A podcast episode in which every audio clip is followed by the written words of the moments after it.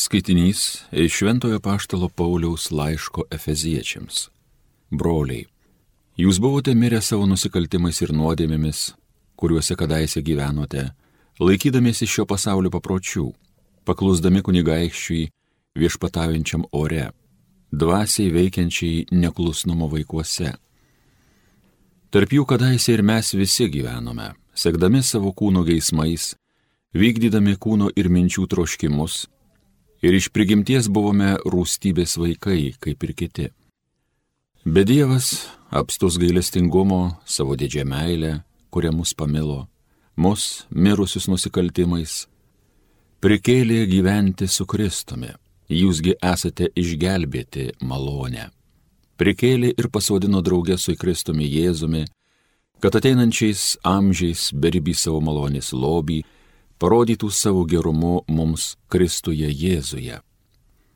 Jūsgi esate išgelbėti malonę per tikėjimą ir ne iš savęs, bet tai yra Dievo dovana. Ir nedarbais, kad kas nors nesigirtų. Mes esame jo kūrinys, sutverti Kristuje Jėzuje geriems darbams, kuriuos Dievas iš anksto paskyrė mums atlikti. Tai Dievo žodis.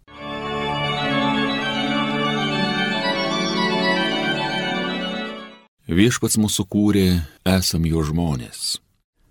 Viso šalys džiūgaukit Dievui, jam tarnaukite linksmus, jo akivaizdon ženkit džiaugsmingai. Viešpats mūsų kūrė, esam jo žmonės.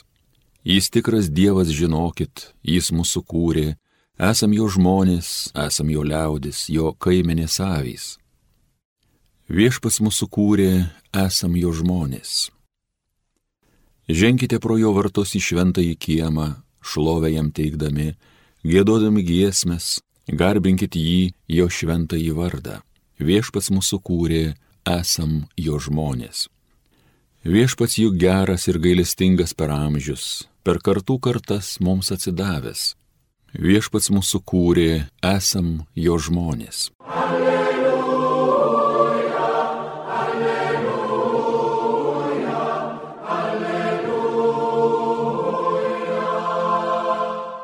Palaiminti dvasingieji vargdieniai, jų yra dangaus karalystė. Alleluja, alleluja, alleluja. Pasiklausykite Šventojios Evangelijos pagal Luką.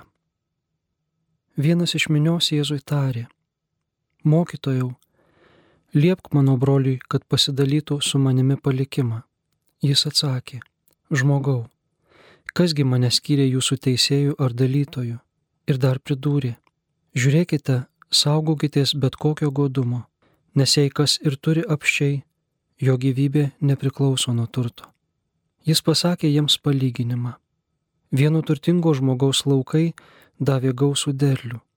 Ir jis pradėjo savo vieną svarstyti, ką man čia dabar padarius, neturiu kur sukrauti derliaus Galop jis tarė, štai ką padarysiu. Nugriausiu savo klojimus, statysiuos didesnius ir juos sugabensiu visus javus ir visas gerybės.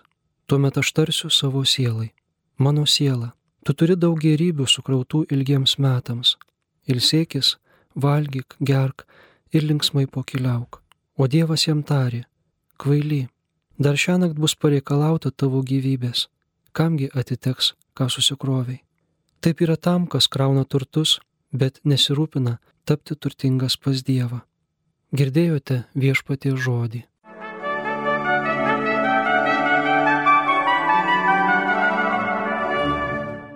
Teisinga, logiška iš Dievo tikėtis teisingumu. Kas jei ne jis yra teisingasis teisėjas? Kodėlgi jam nebūti ir šio pasaulio teisingumo, tiek socialinio, tiek ekonominio garantų? Bet kai žmogus iš minios paprašo Jėzų apginti teisingumą jo gyvenime ir liepti broliui pasidalinti palikimą, Jėzus atsisako tame dalyvauti. Žmogau, kasgi mane skyrė jūsų teisėjų ar dalytojų? Gal ne visai tikslu sakyti, kad Dievas atsisako dalyvauti pasaulio teisingume. Keturių pagrindinių darybių tarpe esanti teisingumo darybė ir yra Dievo raginimas kiekvienam atiduoti tai, kas jam priklauso Tai apima ir kvietimą teisingai pasidalinti palikimą su broliu. Tik Jėzus atsisako būti teisėjų ar antstoliu, paminančių žmogaus laisvę ir išreikalaujančių, kad teisingas nuosprendis būtų įvykdytas iš karto. O žmogaus susirūpinusio patirtą skriaudą dėmesį Jėzus atkreipia į kitą dalyką. Turtas nebūtinai atneša laimę. Kartais jis gali tapti pražutingi spastai. Žmogaus gyvybė nepriklauso nuo turto. Gal ne pats turtas yra problema, bet atsirandantis meilus, priraišus santykis su turtu vadinamas godumu. Vieno turtingo žmogaus laukai davė gausų derlių. Palyginimą gyvenimiškai pradeda Jėzus. Kai kuriems žmonėms tokia sėkmė jokia staigmena. Stambiems ūkininkams, dideliems verslininkams nekelia jokios nuostabos, kas metų žaugantis didelis derlius ir pelnas. Bet vos tik tai tampa savaime suprantama, galima sakyti, kad žmogus pateko į pinklės. Jis ėmė galvoti, kad yra savo gyvenimo viešpats. Derlius, pelnas dar neseniai buvę netikėtą dovaną tampa visiškai suprantama nuosavybė. Ir kas keiščiausia - problema. Turto padidėjimas atneša neramybę, o nerimą. Turtai žmogų neramina ne mažiau kaip skurdas. Ką čia man dabar padarius? Neturiu kur sukrauti derliaus, suka galva turtuolis. Iš šalies žvelgdamas jo problemą išspręstum akimirksniu. Išdalyk vargšams ir bus rami galva. Bet taip atrodo tik iš šalies, Sidabras padengė stiklą, pro kurį jau nebesimato kito, tik savas atspindys.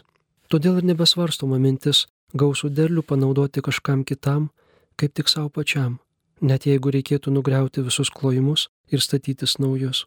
O tada po šito nulio, po šito naujo milijono jau laimė, jau pilnatvė. Su gausiu derliumi priskyrę savo dar ir ilgus gyvenimo metus, palyginimo turtuolis ima elgtis keistai, šizofreniškai.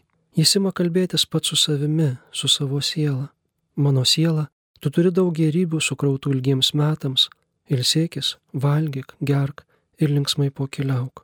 Valgyt, gert ir linksmai pokeliaut nėra svarbiausia gyvenimo prasmė žmogui ir jo nemirtingai sielai. Jo siela sukurta ne tam. Žmogaus visa esybė, jo širdis, siela, protas ir jėgos, anu didžiojo įsakymo skirti mylėti Dievą ir įgarbinti. Turtingas ir godus žmogus viską palenkia savo, savo kūniškai būčiai ir nemirtingai sielai siūlo valgyti ir gerti, lik ji būtų jo butelio draugas. Palyginimo esmė neturtas, o tai, kaip gali susikreivinti žmogaus protas, širdis ir siela, kaip galim matyti tik save ir nepastebėti Dievo, jo dovanų ir stokojančio žmogaus šalia. Prekybos centre maisto banko akcija Jaunimas dalina skrajutes su prašymu pagelbėti vargstantiems. Lentynos ir krepšiai pilni tų skrajučių. Viena moteris ima visą pakuotę buljono dėžučių. Ar vertas dėmesio? Klausiu. Čia maisto bankui, sako ji. Žmonėms reikia ir mėsos, kad būtų. Koks skirtingas jos veidas nuo visų kitų. Meilė ir gailestingumas neišvengiamai palieka žymę, įspaudžia panašumą, kaip Veronikos drobėje. Kam kam, o šiai moteriai tikrai nepritaikysi palyginimą užbaigiančio epiteto. Kažkaip reikėtų mums daryti sąžinę sąskaitą ir pamastyti, ar manęs nėra per daug. Mano mintyse, mano žodžiuose, veiksmuose. Ar aš neužstoju Dievo, ar moku pastebėti kitą, daugiau klausyti negu kalbėti, daugiau leisti būti, skleistis kitam, o ne pats visur imti centrinę vietą. Pabaigai, žvelgiant į visuomeninės aktualijas, iškyla klausimas. Jeigu Dievas sako kvaily žmogui, kuris nedaro nieko blogo, tiesiog gyvena savo egoistinį gyvenimą, tai ką jis pasakys tiems, kurie iš pėties greuna prigimtinę tvarką ir prigimtinį statymą?